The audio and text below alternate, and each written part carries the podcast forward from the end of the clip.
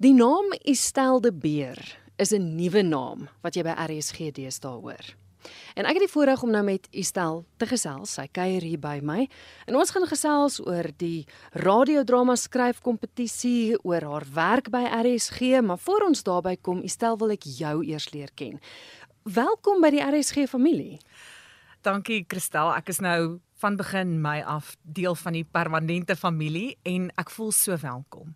Regtig, ek wens ek kon vir die luisteraars almal nooi om agter die skerms by RSG te kom kuier. Ek is so hartlik verwelkom en regtig ek ek kon nie vir 'n beter ruimte gevra het nie. Kom ons praat pre-RSG. Waar het jy skool gegaan? Waar het jy groot geword en waar het jy studeer? Ek kan van amper vir jou sê daar is nie eintlik vir my 'n pre-RSG nie want dis behalwe vir 'n bietjie kelnerwerk op skool was dit my heel eerste werk ook geweest. Maar ek kom van Mpumalanga af. Ek het groot geword op Standerton. Daar skool gegaan, laerskool, hoërskool. Ehm um, na dit het ek Pretoria toe gekom om by Tuks te studeer. Ek het begin met drama. Goed. En in my drama jaar toe ek um, by RSG begin werk. 'n Vriend van my het in Ratels gespeel en toe het Leon van Nierop gesê hulle kort nog dames stemme, jong mens stemme. En toe het ek gaan audisie en om een of ander rede ek sê nog vir Leon, ek verstaan nie hoekom as ek na daai eerste episode luister nie. maar hy het vir my die karakter bankies gegee en dit het ek vir jare gedoen. Maar toe ek klaar is, ek het net 'n jaar drama studeer, toe ek LLB studeer. Ehm um, dit klaar gemaak en toe het ek die geleentheid gekry by 'n gemeenskapsradiostasie waar ek 7 jaar ehm um, nuus en aktualiteit uitgesaai het en tussendeur nog ehm um, radiodramas gedoen het. Ja, en nou ehm um, toe het ek bietjie in die korporatiewe omgewing gaan werk in uitkoördinering en kommunikasie bestuur want ek het toe later my honeurs in kommunikasie bestuur gedoen en nou is ek by RSG. LLB steek nou by my vas. So jy het net 'n jaar drama gedoen toe LLB. Hoekom? Omdat almal vir jou gesê het drama is nie regte werk nie. Dit voel vir my hoe ouer ek word, hoe meer vergeet ek hoekom ek geskuif het. As ek met jou moet eerlik wees. Daar was definitief baie redes gewees. Um een van die redes was omdat ek by RSG begin werk het en ek nogal gevoel het ek leer baie deur om prakties te werk en ek was verskriklik bang toe ek die eerste keer moet begin kontrakte teken en ek oh. verstaan nie regtig wat daar aangaan nie. En ehm um, ek dink maar net ag weet jy Kristel kom ek sê vir jou ek dink ek was 19 en mens weet so min eintlik van die wêreld en die lewe en ek dink daar is luisteraars wat kan resoneer hiermee. Mense verwag van jou om op 18 of 19 presies te weet wat is die loopbaanrigting wat jy vir die res van jou lewe moet doen. En hier kom 'n plaasmeisie in die stad in en daar's so baie dinge om van te kies en te leer en ek dink ek was in 'n mate bietjie oorweldig, mm. maar ek sê altyd LLB het my groot gemaak. Dit het my geleer van strafreg, dit het my geleer van kontrakte, van belasting, van versekerings, van testamente. Dit het my geleer argumenteer, dit het my geleer vra vra en alles wat ek geleer het in daai kursus glo ek het bygedra daartoe dat ek 'n radioomroeper kon wees. Mm. Dit het my regtig geleer praat, vra vra en dit het my ook geleer luister.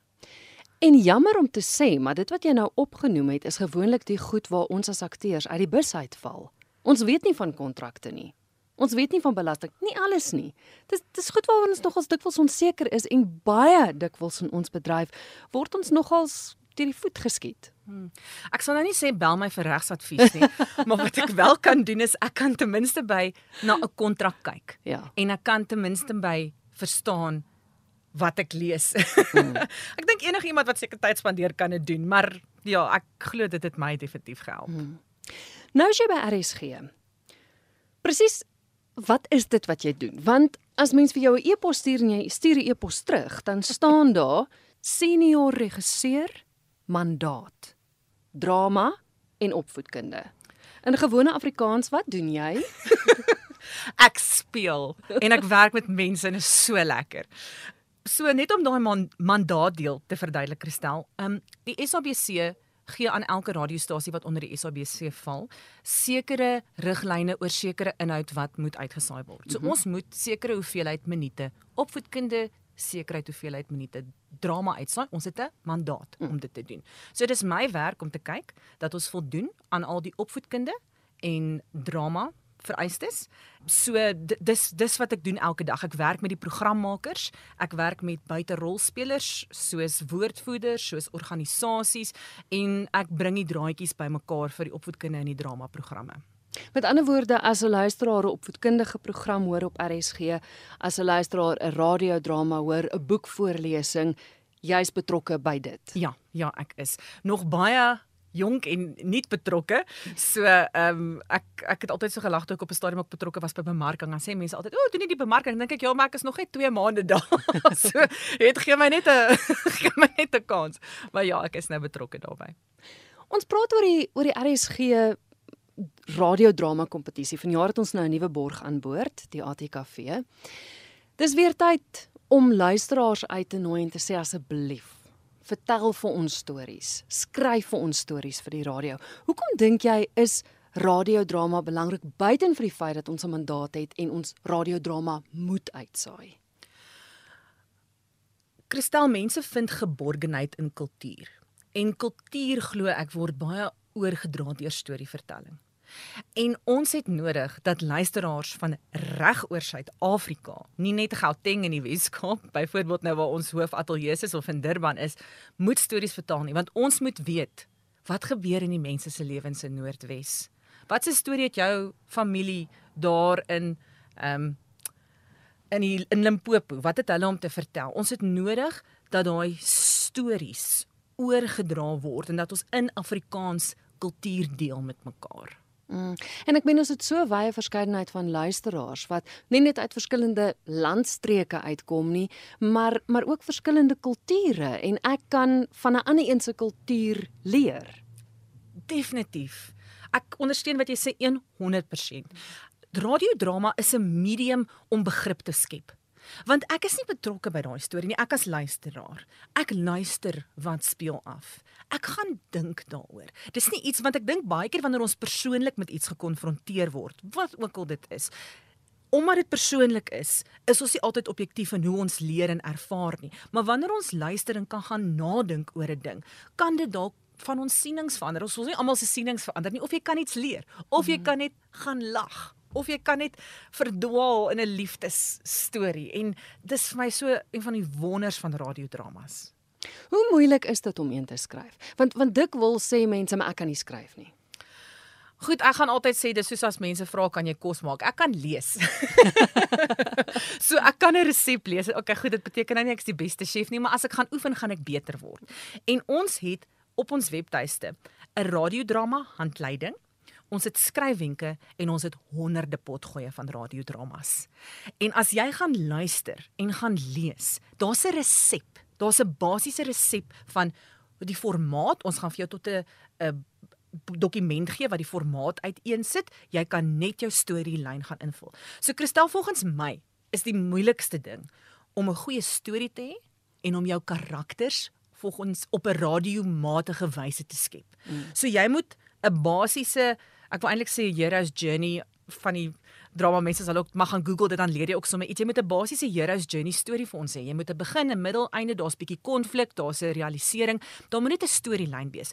En dan belangrik in radiodramas is dat omdat mense net hoor. Hulle kan nie sien hierdie persoon lyk so of is daar nie. So die karakters moet anders praat as mekaar. Almal as ek die skrywer is, moet al die karakters nie praat soos hy stel nie.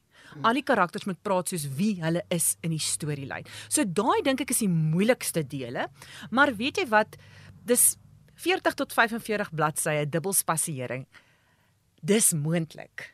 Dis regtig moontlik. Ek dink as jy lief is vir skryf en jy's lief vir stories en jy gaan sit 'n bietjie tyd in en jy woon die slypskool by wat op 15 Julie is en jy is deel van die mentorskap program wat ons gaan vir so 10 tot 20 skrywers 'n mentorskap program bied, dan dan kan jy dit regtig doen. En nog 'n bonus Kristel op hierdie stadium is as jy 'n vraag stuur na radiodrama by rsg.co.za, dan antwoord ek vir jou daai vraag. Vanoggend het iemand vir my 3 vrae gestuur wat hulle het terwyl hulle besig is om te skryf. So dit mag dalk vir jou moeilik of uitdagend wees, maar ons is hier om jou te help. Hmm. Radiodrama by rsg.co.za. Dis waar jy 'n vraag gestuur kan word. Ja. Hoe maak hulle as hulle die handleiding soek, meer inligting oor die werkswinkel, die mentorskap? So jy gaan na rsg.co.za. As jy net so bietjie afgaan met die blad, is daar 'n fotootjie en inligting. So sommer op die eerste blad wat jy inkom, gaan net so bietjie af, al die inligting is daar.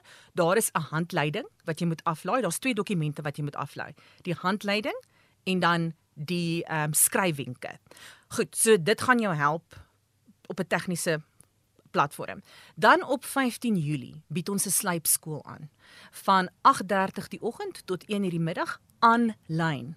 So dis vir almal. Jy gaan dood eenvoudig jou naam en jou van en slypskool en jou e-posadres dan uit die aard van die saak stuur na radiodrama@rsg.co.za. Ek gaan vir jou 'n inligting blaadjie terugstuur. Daar's so een of twee dokumentjies wat jy net vir ons moet voorberei om aan die slypskool deel te neem en daar gaan jy ook dan hulp kry.